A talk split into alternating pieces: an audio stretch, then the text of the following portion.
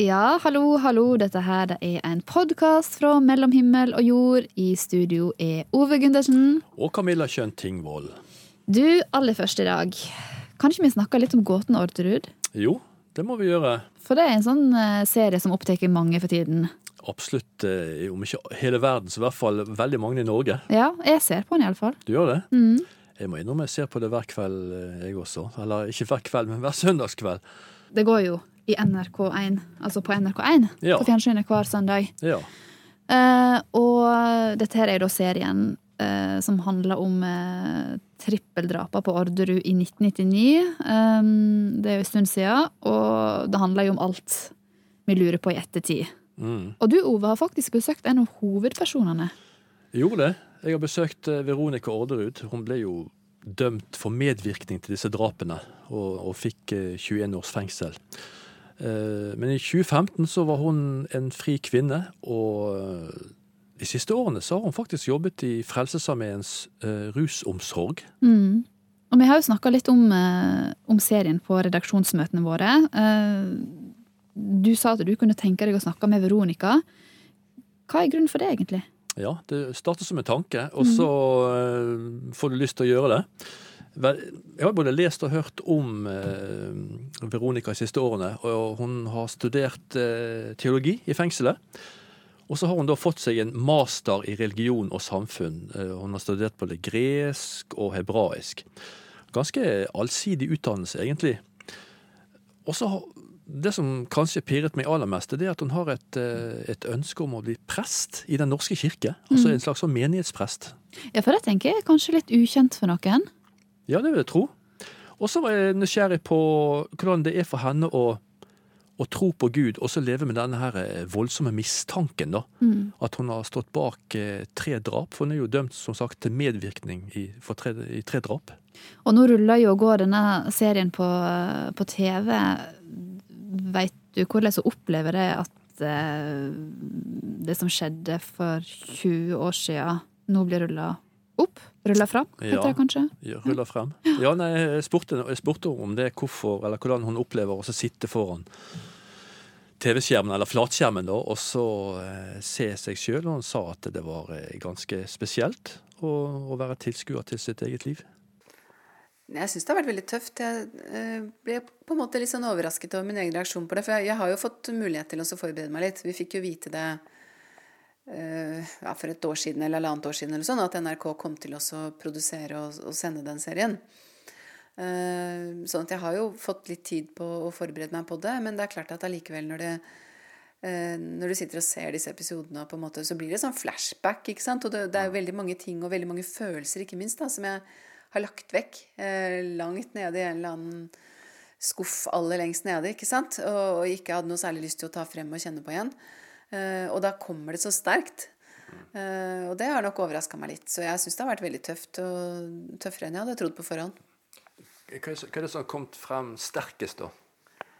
Nei, det er jo følelsene, rett og slett. Altså følelsene rundt det å Det vi opplevde den gangen. Altså det å altså være i rettssalene, og, og ikke minst liksom når denne domsavsigelsen og all den tiden du ikke helt visste hva som kom til å skje, så var det jo nettopp den der følelsen av nærmest å stå ytterst på en klippe, og så var du ikke helt klar over om noen kom til å ta fatt i ryggen din og dra deg opp igjen, eller om de kom til å dytte deg utfor. Og jeg følte jo at noen dytta meg utfor. Uh, og den, det, det var de der sterke følelsene rundt det. Så er det tydelig at Veronica Orderud fremdeles bærer på sterke følelser rundt selve skyldspørsmålet. Hun har hele tiden hevdet sin uskyld, men akkurat dette perspektivet lar vi ligge i denne sammenheng.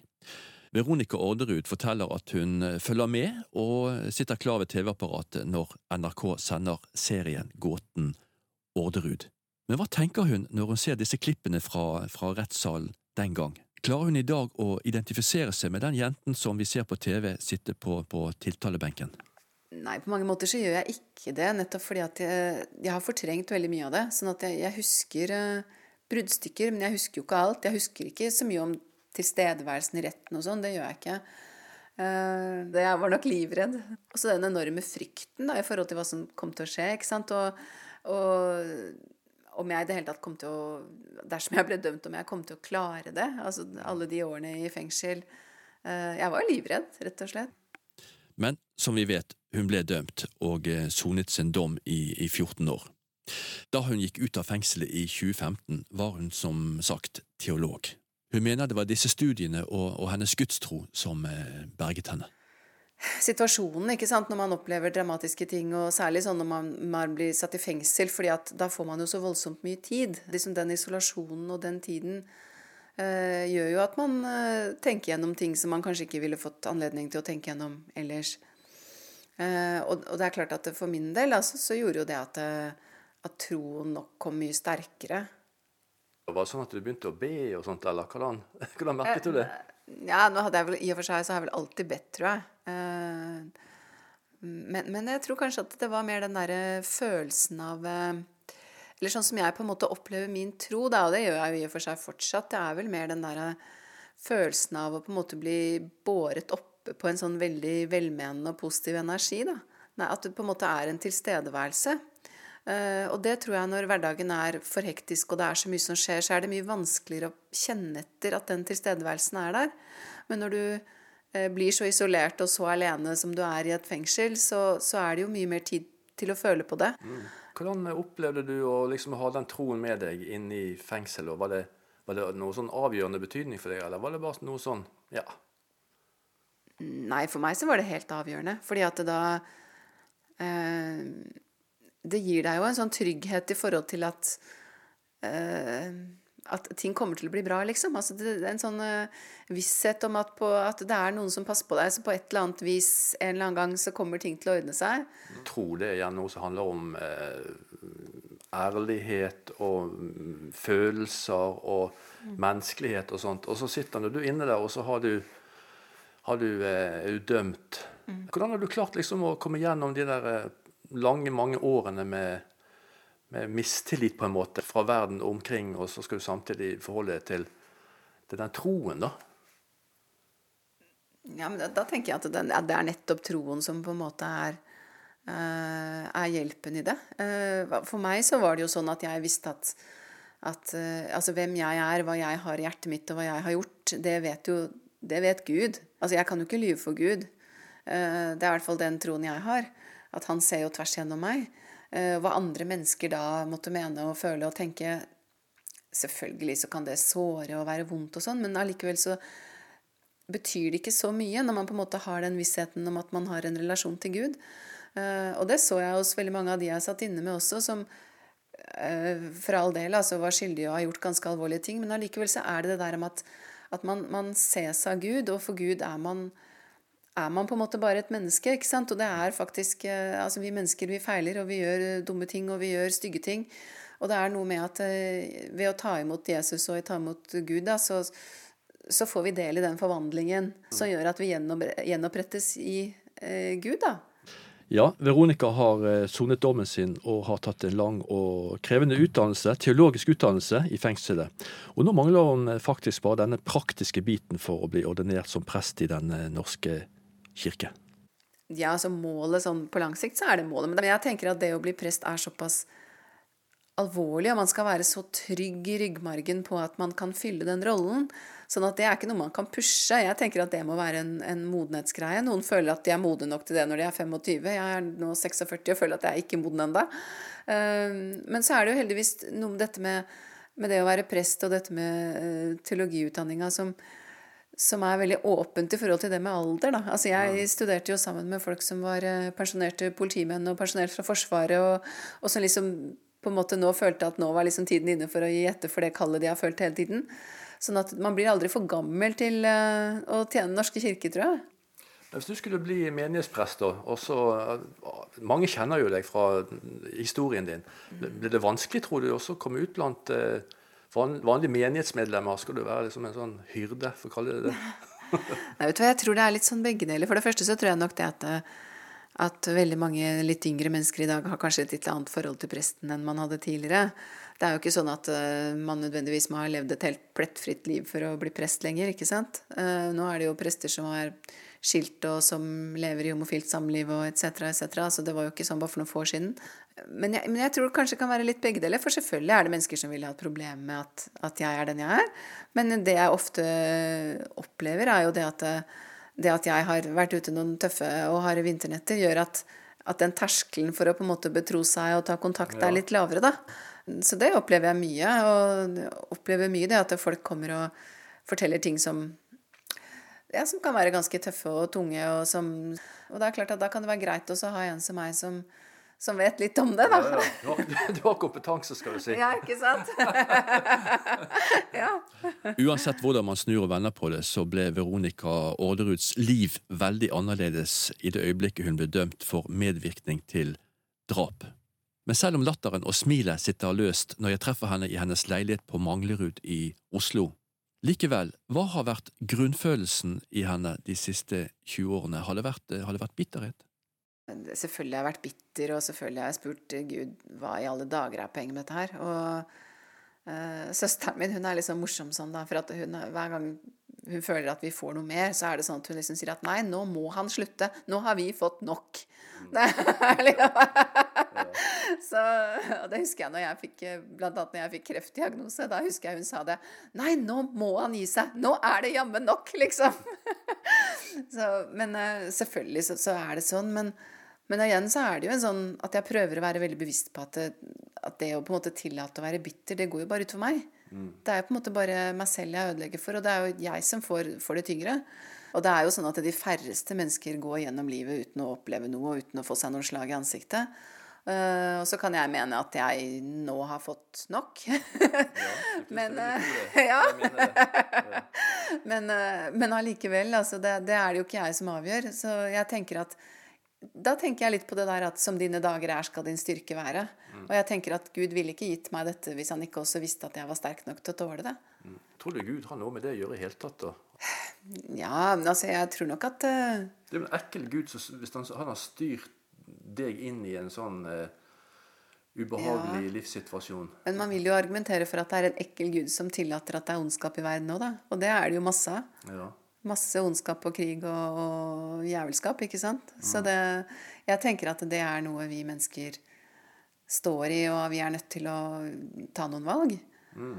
Uh, så Nei, så jeg tror det at man kan uh, om man ikke nødvendigvis kan be Gud om å slippe unna alt, så kan man i hvert fall be om å få styrke til å klare det. Og det, det føler du at du har fått, for å si det sånn? Ja, altså det er jo ikke alltid at jeg føler meg like sterk og like tøff, men eh, sånn stort sett så syns jeg det. Mm. Du virker liksom sånn åpen og, og egentlig nokså nok glad. Hvor kommer den gleden fra, da? Jeg vet ikke. Jeg tror jeg er litt sånn grunnleggende optimistisk og grunnleggende glad. Ja. Og det er jo noe med at jeg, det er ikke så mange situasjoner jeg egentlig har vært i i livet som har vært så mørke at det ikke har vært noe glede der. Selvfølgelig så er det Altså den, denne gangen jeg, eller disse dagene hvor jeg har fått dommen og sånne ting, det er klart at det Da gikk det nok noen, noen, noen uker ikke sant, før man hadde på en måte energi nok til å smile. Og, mm. men, uh, men jeg tenker liksom på alt jeg har opplevd i, uh, gjennom alle disse årene i fengsel, og så, så, har det vært veldig mye latter og veldig mye glede. Mm. Uh, til tross for at livet er vanskelig og tilværelsen er vanskelig. Og, og sånn syns jeg det er på en måte hele tiden. Det er alltid noe å glede seg over. Og det er kanskje det at det, når man opplever det, i hvert fall det å på en måte bli fratatt alt og, og satt i fengsel, så, så, må man i hvert fall lære seg å, å sette pris på de små tingene. Mm. Uh, og nå nærmer vi oss jul, og jeg vil jo si det at de julefeiringene jeg har hatt i fengsel, har vært noe av de fineste jeg har hatt. Mm. Nettopp fordi at det har jo ikke vært fokus på materielle ting i det hele tatt, for det er det jo ingen som har noe av der inne. Så, Suppe på julaften? Ikke sant? Nei da, man får, man får julemat, altså. Men uh, så så galt er det ikke. Altså, man får jo gjerne noen gaver av Frelsesarmeen og konfektesk og sånne ting. Men da blir jo det så fantastisk flott, ikke sant? Altså Man gleder seg jo så utrolig over den konfektesken man får. Så, så, jeg tenker at akkurat det der lærdommen i forhold til å glede seg over de små tingene, det, det gjør at livet blir mye greiere. Hadde du fått til å smile sånn, tror du, uten troen? Jeg tror ikke det. Jeg tror at det er troen som har på en måte fått meg gjennom dette og fått meg ut på den andre siden på beina. Det tror jeg.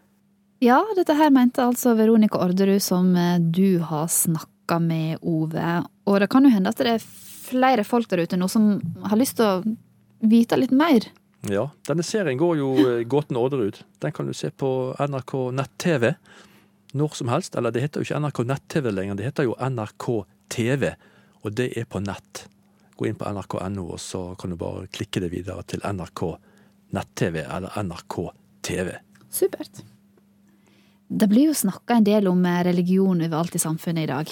Ja, medier lager jo mange saker, og hvis du følger med på mediene eller på, i sosiale medier, så skrives det fryktelig mye om, om religion, da. Ja, og rundt omkring eh, ved lunsjbordet på jobb, så regner jeg med at det, det blir jo diskutert heftig dag innimellom. Og jeg tenker jo at det, altså vi som jobber med religion og livssyn, vi syns jo at det er kjempefint at religion kommer i fokus. Ja, ja, selvfølgelig. Vi uh, jobber jo med det, og vi syns det er kjekt at noen, uh, mange egentlig er interessert i det som vi jobber med, selvfølgelig. uh, men noen mener at det blir snakket for mye om, om, religion, og ikke med skal vi si, representantene fra, fra de ulike tros- og livssynssamfunnene. Og det fører oss over på Uenighetens fellesskap, for det er et prosjekt som nylig ble lansert. Her så får de ulike religionene og livssyna snakke uforstyrra om det som de mener. Mm. Ekteskap i, i, satanisme er høyst individuelt og egentlig ikke noe man trenger å gjøre i det hele tatt, men noe man kan gjøre som en slags seremoni for å, å, ritualisere kjærlighet man føler til hverandre. Og alle kan gifte seg med hverandre i Church of Satan så lenge alle parter er voksne og, og villige. Ja, visste du egentlig at eh, Church of Satan eh, så på ekteskap på denne her måten? Neppe. Men uansett, denne videoen her, den er én av eh, veldig mange små snutter som vi kan finne på den norske politisk- og livssynsnøytrale nettsida religioner.no. Ja, eh, mitt navn er Hans eh, Arnesen, og jeg er redaktør for en eh, nettside som heter religioner.no. Og denne veka her så lanserte Hans Arnesen og resten av gjengen hans Uenighetens fellesskap. De sånne samlesider med små monologer der eh, mindre og litt større livssynssamfunn uforstyrra formidler synet sitt på sentrale spørsmål om alt fra etikk, kunst, klima, sex, ekteskap og som du hørte, da, så er Church of Satan med, men det er òg større og ja, kanskje mer kjente trossamfunn som eh, forteller om synspunktene sine. Norske kirke, Human-Etisk Forbund, eh, Den katolske kirke osv. Og så har vi noen veldig, veldig små.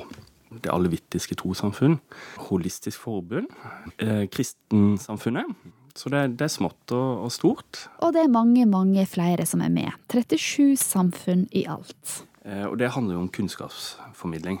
Kilde til eh, innenfra-perspektiver på norske tros- og livssynssamfunn. Men er ikke det bra nok eh, kunnskapsformidling i dag?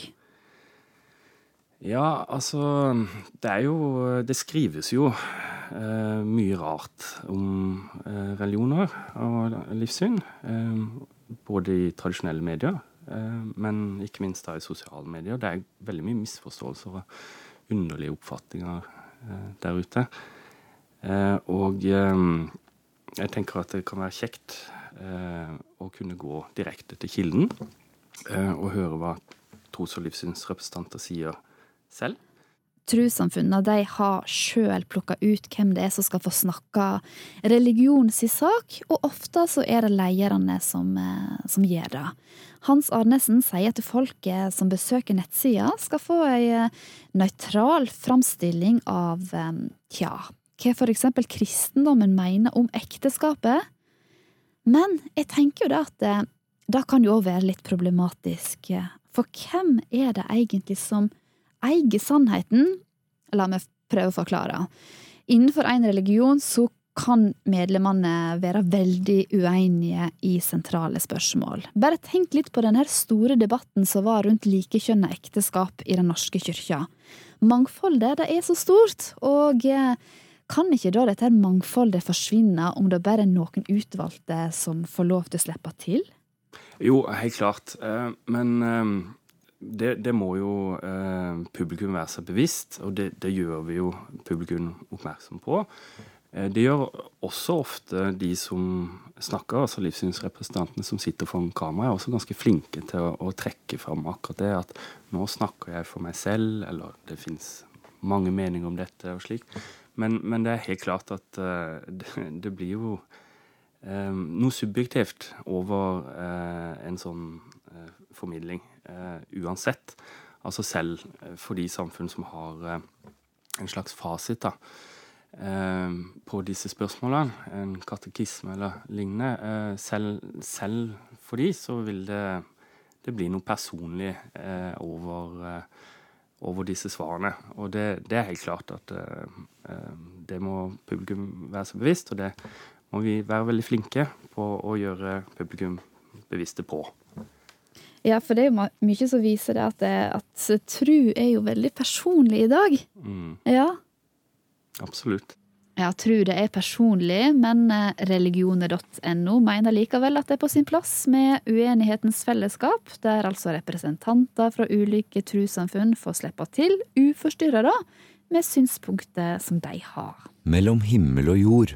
Forrige uke så, eh, så var det ekstra skummelt å være kalkun i USA. Jeg er glad jeg ikke er der. ja. Spørsmålet er jo om, eh, om eh, kalkunen havner på spisebordet, eller får fortsette å gå rundt på sine to bein. Det er ja. et stort spørsmål for en, kalk, for en, kalkun. Ja, for 22. november så var det thanksgiving, det er amerikanerne sin høsttakkefest. Og da sier tradisjonen at presidenten han skal benåde to kalkuner. Og i år så var det kalkun peas og eh, kalkun Carrots som fikk eh, garanti for å overleve denne her høgtida.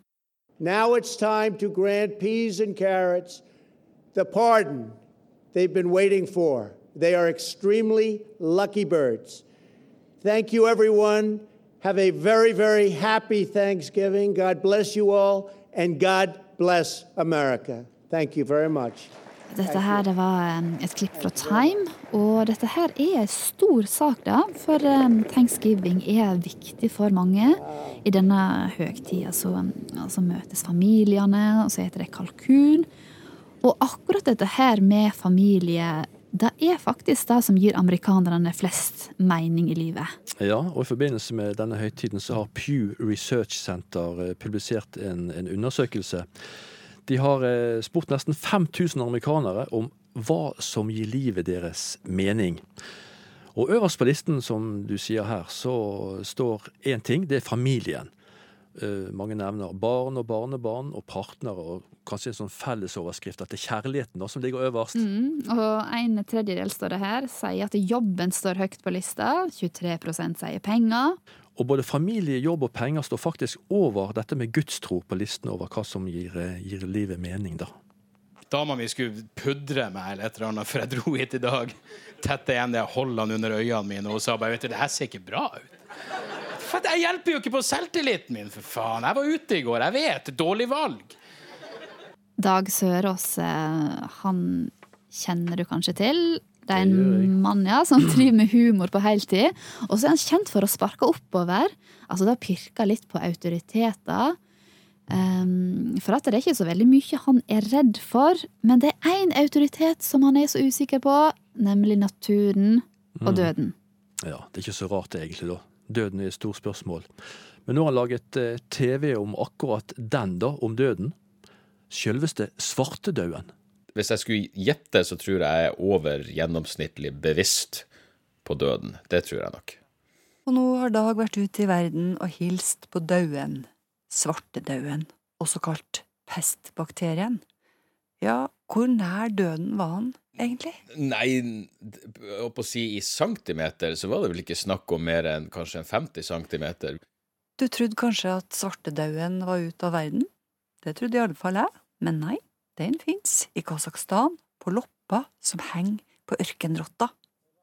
Og det var her Dag var, det var her han skulle lære om pestbakterien, for seinere å holde en standup om akkurat det. Altså Første gangen vi skulle ut i felten der så, og, og, og, se når de For de har et sånn utryddelsesprogram hvor de røyker ut igjen eh, stakkars ørkenrotten som de mistenker kan ha smitte, og uh, røyker dem opp av uh, av bakken og ta livet av dem og teste dem. Um, og når vi skulle ut på, for å være med på det, så måtte vi jo kles opp i uh, Vi så ut akkurat så når de lager metamfetamin i Breaking Bad. Altså, det var skikkelig uh, det, det var fullt verneutstyr, og det føltes veldig trygt. Det eneste jeg stussa på, var jo det at jeg, jeg fikk bare én hanske, så den ene handa mi var bar, men jeg tror jeg fikk tak i en plastpose som jeg snurra rundt handa mi. Rottene springer rundt og piper etter å ha blitt røyka ut av hullene i jorda. Han er småstressa dag. Det er reell fare for å bli smitta av pest. Hvis du blir bitt av en loppe som er infisert, så får du med meget stor sannsynlighet eh, pestbakterien i deg.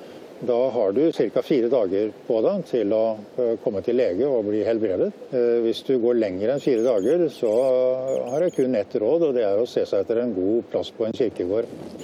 Men dagen etterpå så dro vi ut i et lignende, nærmest identisk område, og da hadde vi bare shorts på oss. Da visste jeg, da visste jeg ikke at vi skulle ut på og se på. Og da, og da var det plutselig jeg sa bare, Hvis vi var i et lignende område i går og måtte ha fullt verneutstyr, hvorfor er det plutselig greit å stå her i shorts i dag? Pesten sprer seg jo via loppe, da, og det hadde vi allerede fått påpekt, at ved kraftig vind så kan de like gjerne komme flygende gjennom lufta. Da sto vi jo med med vind i ryggen. Så jeg spurte liksom er det her trygt. Så er det ja, vi har vind i ryggen, så det går fint. Men så sto vi jo der så lenge og filma så lenge at plutselig merka at vi hadde motvind. Og der står Dag i shorts i motvind og lurer på om loppene umerkelig sniker seg inn under shortsen.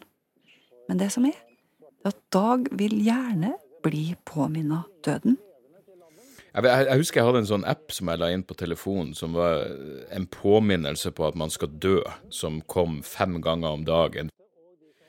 Men etter hvert så ble, bare, så ble jeg bare, lei av det. det. det. gikk opp for meg at jeg tror jeg er mer enn nok bevisst på min egen død. Jeg vet ikke om det her, om det her egentlig gjør at jeg, at jeg, nyter livet noe mer. Fem ganger virker litt for mye, for å være helt ærlig. Men hva er det som er bra med å liksom være bevisst sin egen død, da? tenker du?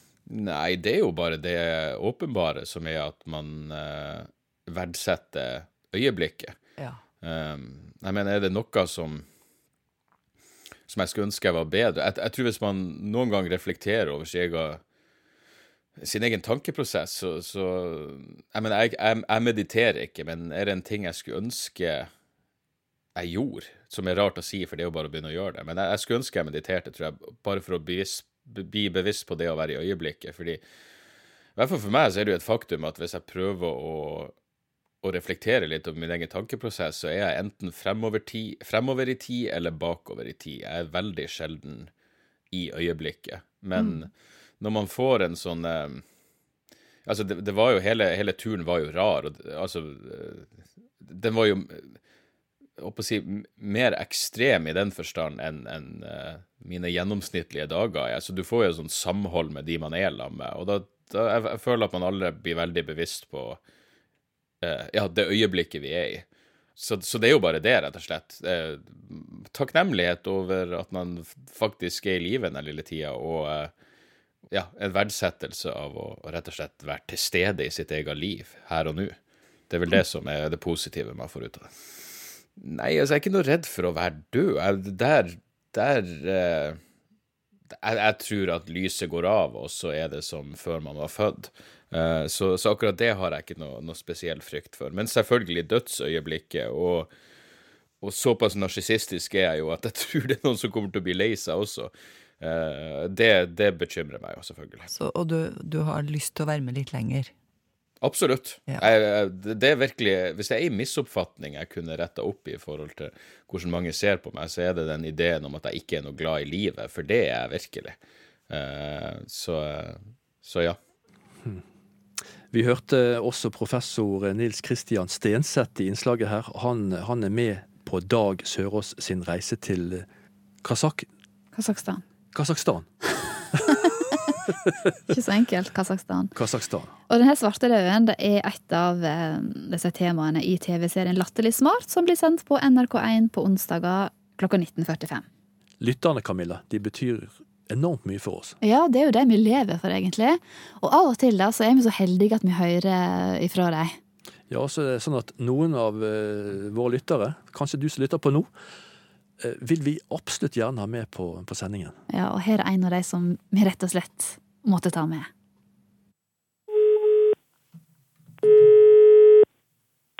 Hallo. Ja, hallo, snakker jeg med Joakim Wagner Fransen? Ja, det gjør du. Hei! Hei. Du er fastlytter av Mellom himmel og jord, er ikke du det? Ja, det stemmer. Du er, sånn som jeg forstått det, da, du er 19 år gammel, kommer fra Brumunddal, og så jobber du til vanlig på Eurospar. Ja, det gjør jeg. Og for ikke så veldig lenge siden så, eh, så sendte du oss ei tekstmelding og sa at du fikk så lyst til å fortelle oss om hvordan du ser verden, fordi at du er svaksynt, ikke sant? Det er det, er ja. Går det an å skildre hva det er du egentlig ser? Hvis dere har noen brødpåser liggende eh, hjemme, altså hvis dere bretter det den brødposen to-tre ganger, og så Da er det nesten sånn Da er det jo som å se, se dårlig, da. Ha dårlig syn.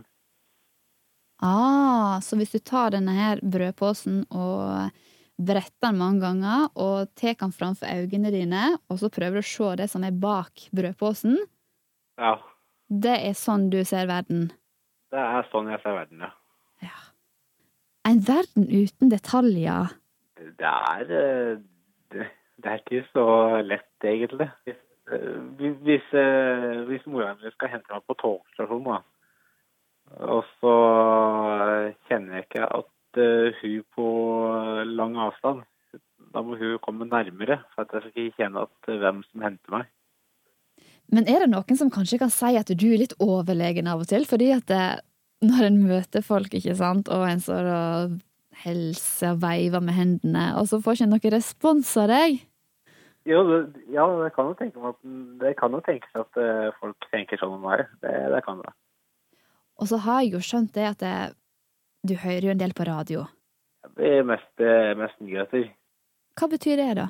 Å kunne bruke ørene istedenfor øynene, når ikke det går så bra med øynene? Eh, for, for oss som er eh, svaksynte og blinde, det er jo nyheter på radio det beste vi kan få med oss. Det er det. For det jeg lurer litt på, når en er litt svekka med den ene sansen, får en da forsterka de andre sansene? Ja, det, det kan man jo.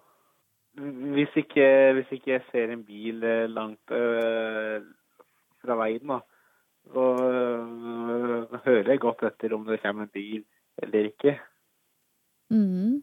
Syns du at, det, at de som har godt syn, bør være mer takknemlige for det synet som en har? Det er jo ikke sjølsagt, egentlig. Nei, det er ikke det. Men da har jo du fått sagt en god del. Jo, jeg har faktisk det. Ja, er du fornøyd?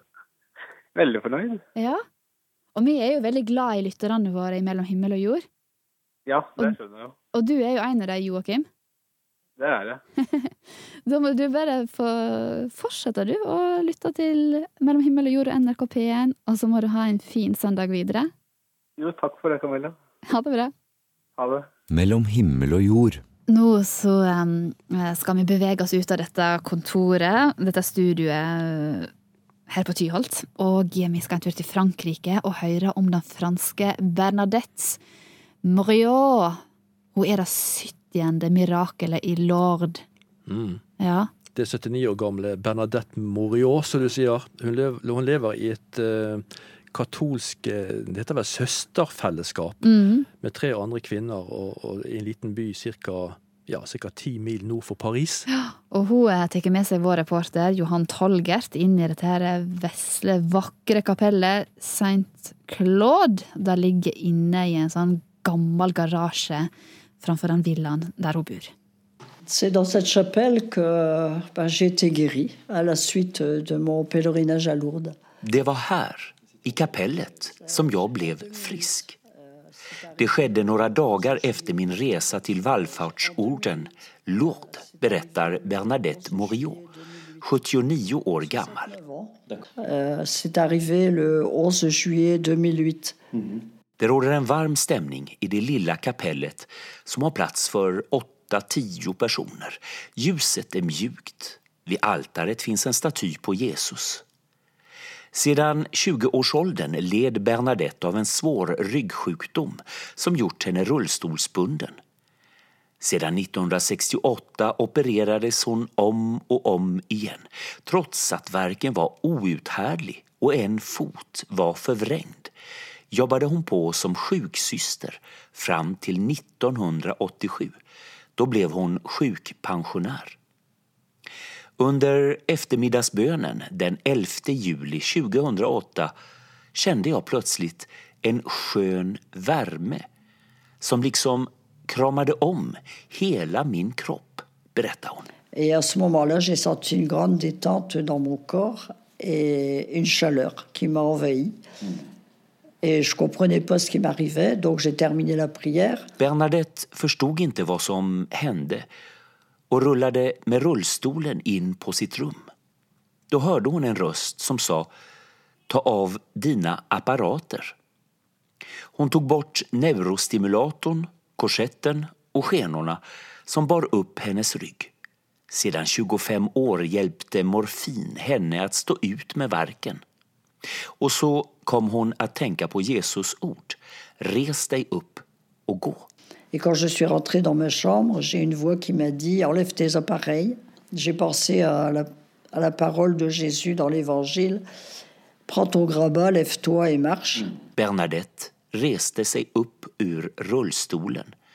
Samtidigt såg hon att foten inte längre var förvrängd och verken, den hade försvunnit. När Bernadette tillkallade en medsyster började de båda gråta. Så starka var känslorna. J'ai enlevé l'appareillage. Et quand j'ai enlevé l'appareillage, mon pied était redressé. J'ai enlevé le corset, j'avais plus de douleur. Et je suis, j'ai appelé la sœur qui était avec moi et je lui ai dit regarde ce qui m'arrive. Et c'est vrai qu'on a beaucoup pleuré et prié. Nästa dag kunde jag promenera fem kilometer i skogen. Först då insåg jag att jag blivit frisk. Men jag ville inte kalla det för mirakulöst botad, berättar Bernadette. Några dagar tidigare hade hon besökt Lourdes. Hon var vid den här tidpunkten 69 år. I början av juli 2008 rullades hon in med andra svårt sjuka människor i grottan där underverk förväntas ske. Hon badade i helande vatten. Hon kände att i grottan fanns en mystisk närvaro av jungfru Maria och hon upplevde en stark spirituell känsla som hon har svårt för att förklara. Je suis allée à la piscine. Je suis allée à la grotte où on sent cette présence mystérieuse de la Vierge Marie. Bernadettes oförklarliga tillfrisknande sommaren 2008 anmäldes till Lourdes internationella medicinska kommitté. Det är en eh, organisation som granskar de individer som tror sig ha blivit mirakulöst botade. 300 läkare undersökte sedan Bernadette. Läkarna talar om ett oförklarligt tillfrisknande medan katolska kyrkan förbehåller sig rätten att kategorisera händelsen som ett mirakel, förtydligar Bernadette. Les médecins ne disent que c'est une guérison inexpliquée. Au nom de l'Église, que c'était un miracle. Parce que ce mot miracle ne peut se dire, se prononcer que par l'Église. Mm. Og nå i februar så erkjente den katolske kirka at Bernadette Miraud er altså det 70. mirakelet i Lord. Og um, det er jo da over 7000 personer som skal ha blitt helbreda på uforklarlig vis i grotta i Lord. Ja, det var det vi hadde i dag. Ove Gunnarsen snakker her. Ja, og Camilla Kjøntingvold eh, er òg her. Vi høres igjen veldig snart. Det gjør vi. Ha det. Ha det.